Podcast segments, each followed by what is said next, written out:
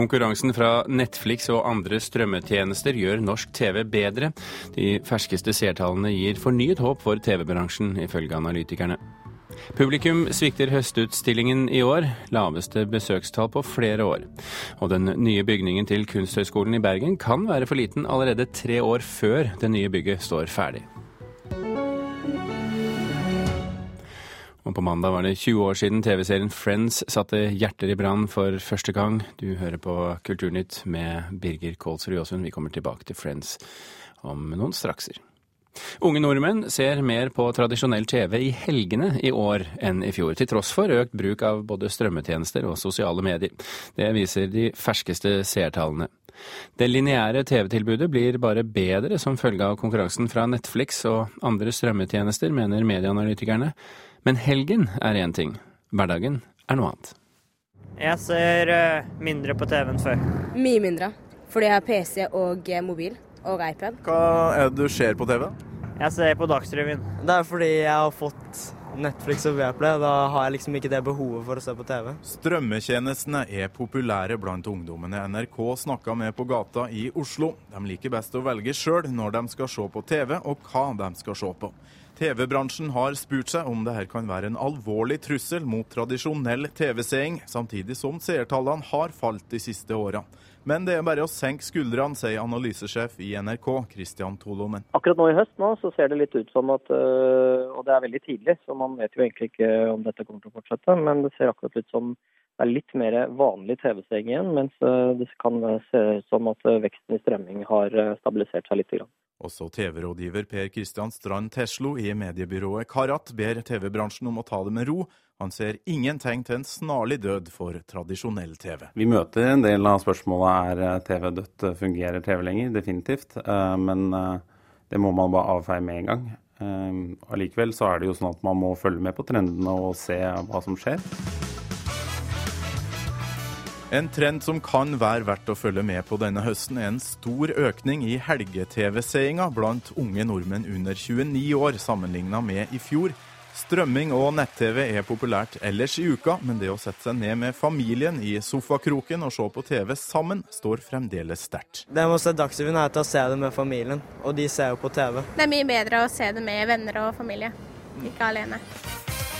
Og det er fornya optimisme i bransjen. Så lenge innholdet er bra, kommer nordmenn til å fortsette å se på TV. Det tror TV 2-direktør Trond Kvernstrøm. Her vil det jo bli kombinasjonen av individuell seing og samseing. Og jeg tror jo i, i generasjoner framover så er det jo deler av uh, dagene i uka som er, mer, altså som er naturlig samseing, da, hvor uh, familien vil samles rundt en felles opplevelse. Da. Den, jeg, jeg tror det fenomenet ikke vil forsvinne. da. TV-apparatet blir altså stående i stua, tror bransjen, sjøl om de yngste allerede er i ferd med å flytte store deler av sin TV-bruk til internett. En ustoppelig utvikling som ikke trenger å bekymre TV-kanalene, mener analysesjef Christian Tolonen, så lenge nett-TV-tjenesten fungerer. Hva er det man egentlig vil være bekymret for? At noen ikke ser programmet ditt, eller at noen ikke ser det på TV? Eh, det er to forskjellige ting. Strømmetjenester som Netflix ser altså ikke ut til å drepe tradisjonell TV. De har heller skremt TV-bransjen til å produsere bedre innhold. Vinn-vinn for konsumentene, sier TV-rådgiver Per Kristian Strand Teslo. Jeg ser jo det at TV-tilbudet nå er jo massivt, veldig godt. Alle kanalene satser på eh, produksjoner som koster mye og har eh, høy kvalitet. Videre så legger de alt det her ut på nett, noen motbetalt, andre gratis, der du kan finne det til alle døgnets tider. Jeg ser mye mer på TV nå enn det jeg gjorde før. Det har kommet flere nye kanaler og flere interessante serier osv. TV-serier som Big Brother og sånn dramaserier. Så det er TV-program du kikker på, bare at ja. du ikke ser det på vanlig skjerm? Ja, fordi jeg kan velge når jeg skal se på. Det sa ungdommene på gata til eh, reporter Torkil Thorsvik. Kulturminister Toril Vidvei vil ikke endre på det at det er Kulturdepartementet som utnevner juryen til den internasjonale Ibsenprisen. I Kulturnytt i går sa Arild Grande fra Arbeiderpartiet at båndene til departementet er vel tette, og at det i stedet burde oppnevnes en stiftelse som valgte styre.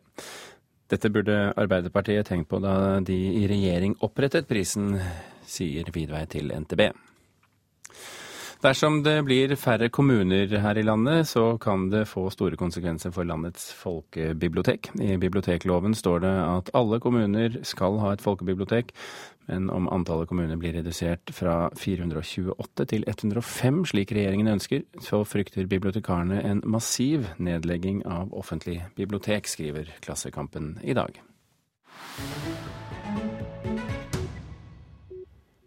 Til tross for flere gode anmeldelser lar færre, til, lar færre, seg friste til å se Høstutstillingen i Oslo denne høsten enn tidligere år. Besøkstallene den første uken er de laveste på flere år, og frem til søndag hadde kun 5700 lagt turen innom utstillingen på Kunstnernes hus i Oslo. 1000 færre enn på samme tid i fjor. Det tror jeg de sikkert er veldig skuffet over. Det sier kunstkritiker Mona Gjessing. Tallene fra den første uka viser en nedgang på over 1000 besøkende fra i fjor, og Gjessing tror manglende wow-faktor kan være en årsak. Vanligvis har det jo liksom vært, eller Ofte så har det vært et verk som har stukket seg ut som ekstra spektakulært, eller som har blitt en liten kontrovers rundt, en liten disputt, uenighet om. Men i år så har det ikke vært, eh, vært noe sånn. Ja, det kan godt være hun har et poeng der. Sier utstillingsleder ved Statens kunstutstilling, Charlotte Dølvik. Vi har jo hatt en liten nedgang eh, siden 2009.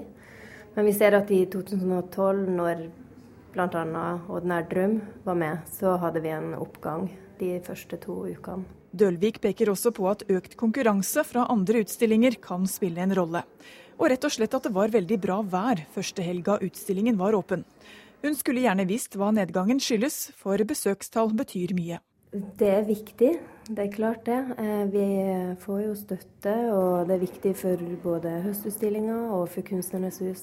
Kunstverkene under Høstutstillingen blir valgt ut av en nasjonal jury, som ikke tar hensyn til besøkstall i sine vurderinger. Det er jo det som gjør at Høstutstillinga er det den er, og som ivaretar eh, utstillinga i forhold til alle de kunstnerne som velger å søke.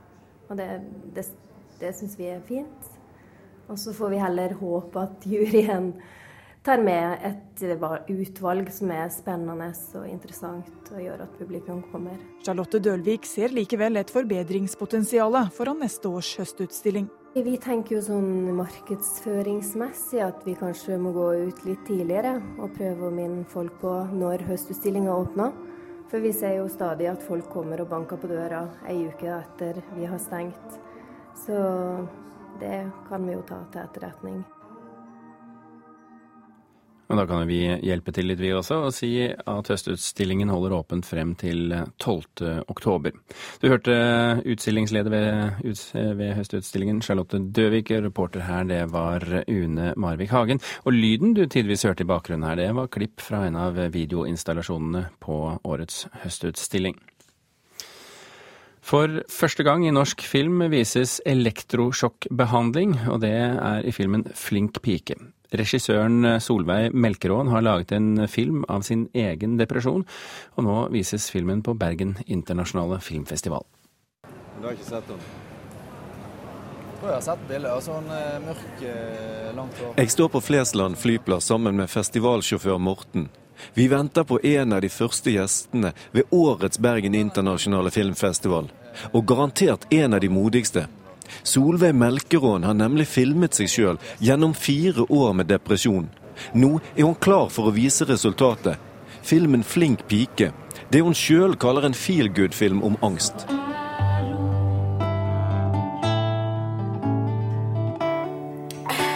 Det føles jo liksom Det er jo på en måte bra, men det er liksom bare at han føler liksom ikke at han har overskudd til å skulle liksom forholde seg til det hele en gang til, på en måte. I dokumentaren følger vi regissøren, hennes samboer og familien gjennom en berg-og-dal-bane av nedturer og gode stunder. Og vi følger som fluer på veggen. I bil inn til Bergen snakker vi om at filmen ikke bare krever mye åpenhet fra Melkeroen sjøl, men også de rundt henne, som f.eks. kjæresten. Det var jo ganske mange runder bare for det i forhold til liksom hans deltakelse. Eh, mens for Altså, jeg er jo, jeg er jo nordlending, vi er jo vant til å by på oss sjøl.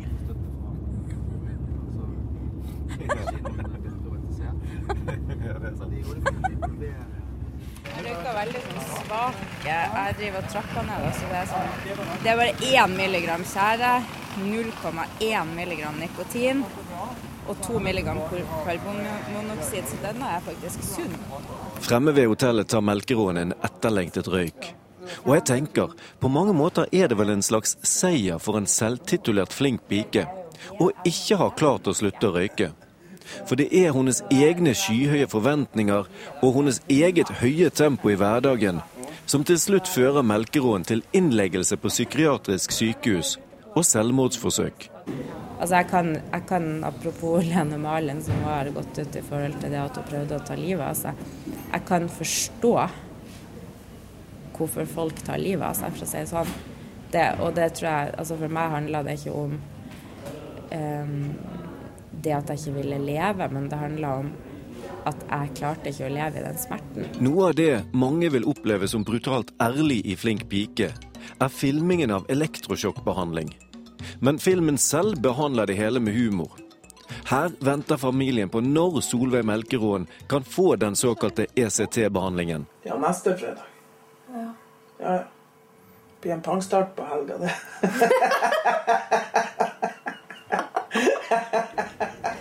Jeg kan ikke huske å ha sett elektrosjokk filmet før. Vet du om det er blitt gjort i Norge?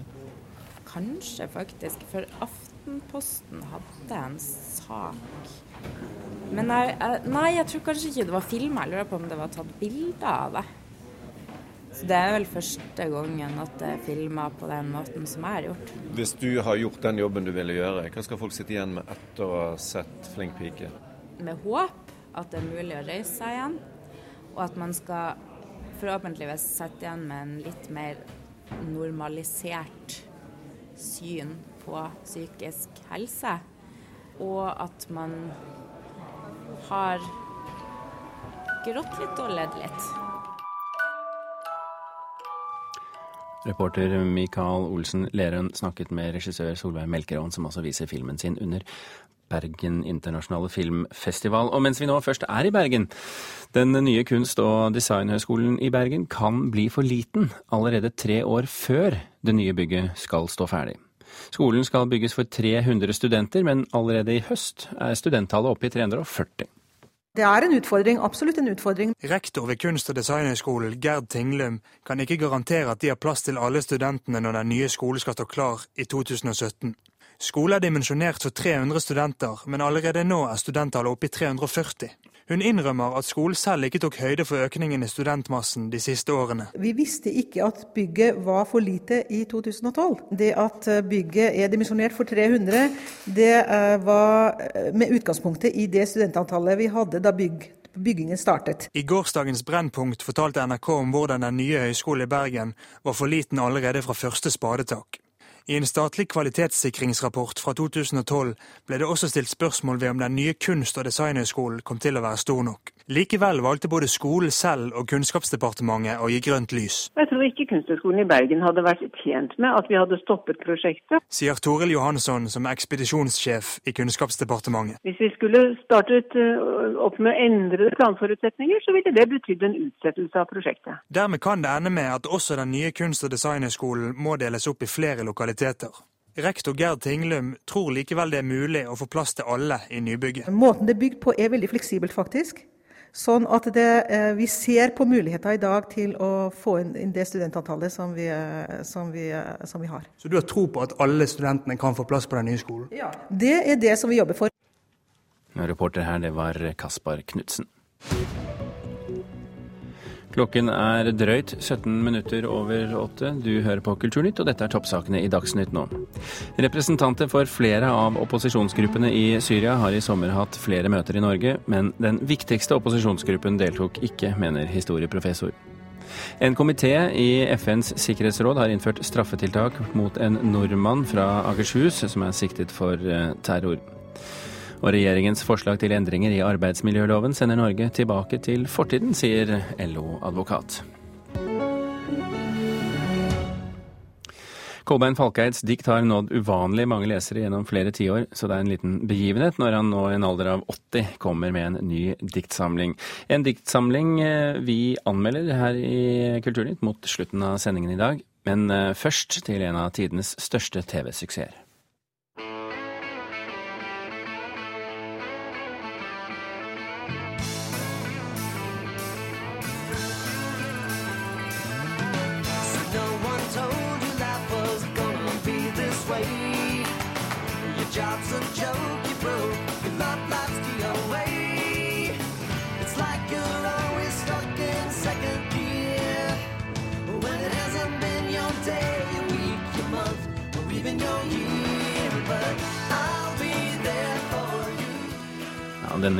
Nærmere bestemt mandag, var det 20 år siden den første episoden av komedien Friends ble vist i USA, eller Venner for livet som den het her på TV 2 i Norge. Siden da har serien om vennegjengen i New York gått mer eller mindre kontinuerlig på norske skjermer. En enestående suksess. Kai Schwind, medieforsker eh, ved Universitetet i Oslo. Har du sett alle de 239 episodene? Ja, jeg har selvfølgelig sett alle. eh, Og spørsmålet er jo hvor mange ganger har jeg sett Ja. dem. Jeg tror det er åtte eller ni ganger at jeg har sett hele serien. Du har sett altså Friends 2000 ganger? ja, jeg står for dem. Jeg har ja, ok. Eh, hvordan vil du forklare eh, denne suksessen eh, eh, serien har hatt internasjonalt? Ja, altså Det er jo noe med oppskrifter uh, som de har bare klart å få til ordentlig. Det er nok eh, en blanding av at det er en eh, spot on casting. Altså det, det, det, at det funker så bra. Skuespillerne, Skuespiller, altså? Mm. skuespillerne, Og det er ganske interessant når man ser litt nærmere på det. F.eks. Courtney Cox, som spiller Monica, var egentlig kasta som Rachel, altså rollen til Jennifer Aniston. Og så testet de, og så skjønte de det er et eller annet som ikke funker, så bare bytter de rollene, og så falt det på plass. Og det er jo veldig vanskelig å få et sånn en- ensemblestykke, at alle har god kjemi mellom hverandre, så dette funker veldig bra. Og så syns jeg ofte at det, um, at det er veldig bra skrevet. Manusene til Friends er utrolig bra. Det er jo en svær industri i USA. Det er 12-13 forfattere som jobber med en episode samtidig, samtidig og det, det fikk de utrolig bra på plass.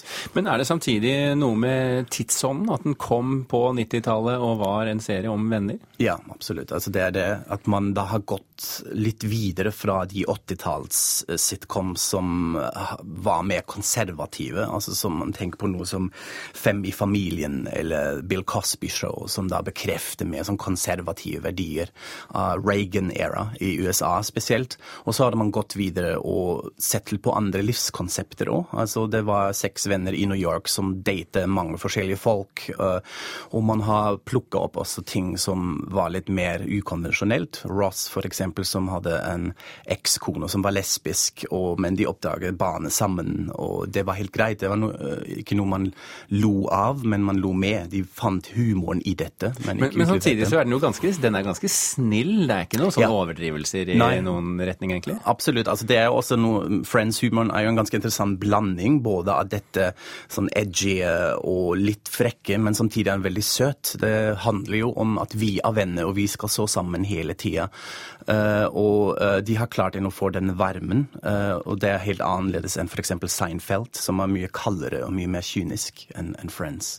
Hvor eh, representativ er denne serien for 90-tallet som sådan? Jeg syns det er veldig altså Det er jo sånn uh, store altså Fem-seks svære sitcoms på 90-tallet uh, som dominerte dette tiår, og uh, Friends er jo representerer jo den ene enden, vil jeg nok si. Altså De har jo også klart å dra inn uh, mange trekk fra såpesjangen, f.eks. At man da fulgte med pga. Ross og Rachel. Blir de sammen, blir de ikke sammen? Og dette var en sånn kontinuerlig cliffhanger, på en måte. Hvis du ser på serien over tid, altså det er jo eh, ti sesonger. Hvordan utviklet eh, serien seg over disse ti årene? Ja, de har jo funnet en sånn groove, eh, vil jeg si. Altså Når man ser på de første to sesongene, så er det mye mer etter oppskrift. Altså at man skjønner da det er mye mer sånn hvordan funker en sitcom. At du har sånn eh, tre plot lines, og så har det en konflikt, og så må det løsne seg, og så er alt bra igjen på slutten av episoden. Og de har turt mye mer. De har stolt på karakterene sine og har begynt å utvikle dem. Det er også veldig spesielt at Friends-karakterene utvikler seg over, over tid. eh, Monica og Chandler blir sammen, de gifter seg, det er barn som blir født osv. Så, videre, og så, videre. så man har turt å kjøre det litt mer som en såpe, Man, egentlig. man ble voksne sammen, Ja, på man sett og vis. ja. Mm. Eh, eh, kommer du til å se uh, alle ti sesongene en gang til, tror du? Ja, jeg blir litt inspirert for dette i dag, Ja. så jeg går rett hjem Jeg og ser på det. Opp, jeg syns du skal opp på ti, ti ganger gjennom alle seriene. Okay, da gjør jeg det. Tusen hjertelig takk, Kai Schwint, stipendiat ved Institutt for medier og kommunikasjon ved Universitetet i Oslo, for at du kom til Kulturnytt.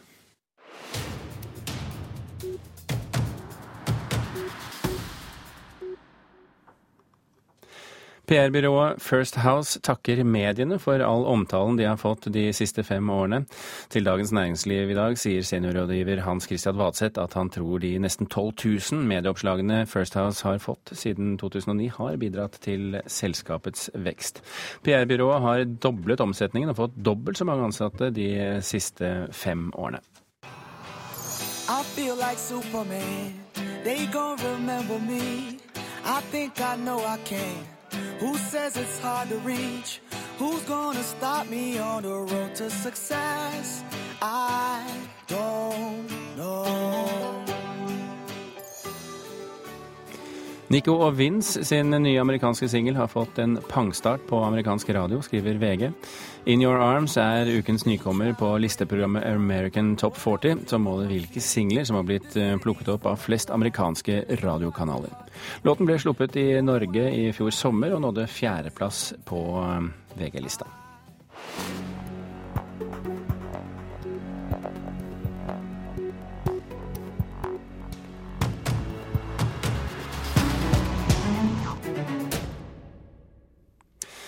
Kolbein Falkeid har skrevet dikt i et eh, halvt århundre og har nådd uvanlig mange norske lesere til eh, poet å være. Det var en gledelig overraskelse for mange da forlaget meldte at Falkeid i en alder av 80 år skulle utgi en ny diktsamling. Og litteraturkritiker Marit eh, Grøtta, hva er det Falkeid er opptatt av i denne samlingen?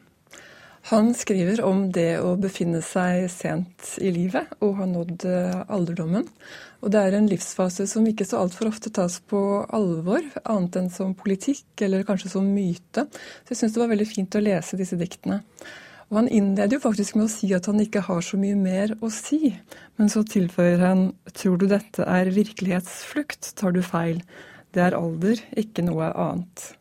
Og han skriver fint om det å tilhøre en generasjon der mange er gått bort, og der de gjenlevende hilser hverandre med innforståtte og melankolske blikk. Han skriver også om urolige netter og det å våkne til en ny dag som føles som da fast grunn under føttene. Og han skriver om å se på verden med et annet blikk enn tidligere. Han ser mer skjønnhet og med mer medfølelse. Men, men er det da også slik å forstå at han er fremdeles engasjert i samtiden? Han er også engasjert. Det er faktisk mange dikt her som vitner om et miljøengasjement. Han er jo en ydmyk dikter som er opptatt av eh, alle livsformer på kloden som vi ikke vet så mye om. Og han kritiserer også menneskets hovmod når det setter seg selv eh, i sentrum for tilværelsen. Han har et veldig fint dikt som handler om å ligge med nesen i gresset og kjenne svettelukten av klode. Og det aller siste diktet hans det heter 'Unnskyld meg', og der unnskylder han at han skriver så mange dikt med 'jeg' i. Altså ordet 'jeg' i når det er så mye annet å skrive om, sånn som eh, sneglehus, øsekar og også klima. Men han lever godt med å skrive om jeg likevel. Ja, han gjør nok det, men han peker også utover. Han, han ser det. Ja. Um, rent litterært, eh, hvilken tradisjon skriver Kolbein Falkeid i nå i sitt eh, 80. år, eller 81. år? Og så Han skriver innenfor samme tradisjon som f.eks. Rolf Jacobsen, Hallis Moren Vesaas. Det som ofte kalles for sentrallyrikk. Og det er, eh, altså De gode diktene innenfor den tradisjonen er dikt som når mange lesere, fordi de berører manges livserfaringer. Og Folkeid eh, har nok nådd bredt ut fordi han skriver med en veldig sånn åpenhet og en undring, og et ganske hverdagsnært språk i kombinasjon med eh, en veltilmålt bruk av metaforer. Mm. Er dette dikt du vil anbefale, og i så fall til hvem? Altså, jo, jeg vil anbefale dem. Det er veldig mye fint å lese her. Og den er klart bedre enn hans forrige, så han er på en oppadgående kurve i en alder av 80 år. Det er også noen svake dikt, noen litt for enkle, og noe med en billedbruk som er litt for omstendelig. Men det er absolutt nok, nok av fine partier her til at jeg vil anbefale samlingen. Ingen grunn til å gi seg for Kolbein Falkheim, altså. Absolutt ikke. Litteraturkritiker Marit Grøtta, tusen hjertelig takk for at du kom til uh, Kulturnytt. Vi har litt tid igjen av eh, sendingen, så vi kan jo melde at den tidligere BBC-programlederen eh, Dave Lee Travis i går ble funnet skyldig for en uønsket seksuell handling for 19 år siden. Travis ble tidligere i år frikjent for eh, tolv andre tilfeller av uønskede seksuelle handlinger. Den tidligere programlederen ble pågrepet og siktet for forbrytelsene i forbindelse med etterforskningen av eh, avdøde BBC-profil Jimmy Savile, som er eh, beskyldt for flere overgrep. Og for første gang gjøres alle episodene av The Simpsons eh, klar for eh, streamingtjeneste. De 525 eh, episodene av den populære serien legges ut på den amerikanske streamingtjenesten FX Now. The Simpsons hadde premiere i 1989 og er den lengst sendte animerte TV-serien gjennom tidene. Kulturnytt nærmer seg slutten for i dag. Vi har uh, fortalt i dag at konkurransen fra Netflix og andre strømmetjenester gjør norsk TV bedre. De ferskeste seertallene gir håp for TV-bransjen, ifølge analytikerne. Blant annet ser folk under 29 stadig mer lineær TV. Du kunne høre at publikum svikter Høstutstillingen. De har i år de laveste besøkstallene på flere år. Og den nye bygningen til Kunsthøgskolen i Bergen kan være for liten allerede tre år før den ble bygget ferdig. Kulturnytt fikk du i dag med Frode Thorshaug, Espen Alnes og Birger Kolsrud Aasund. Tor Albert Frøsland sitter klar med Nyhetsmorgen.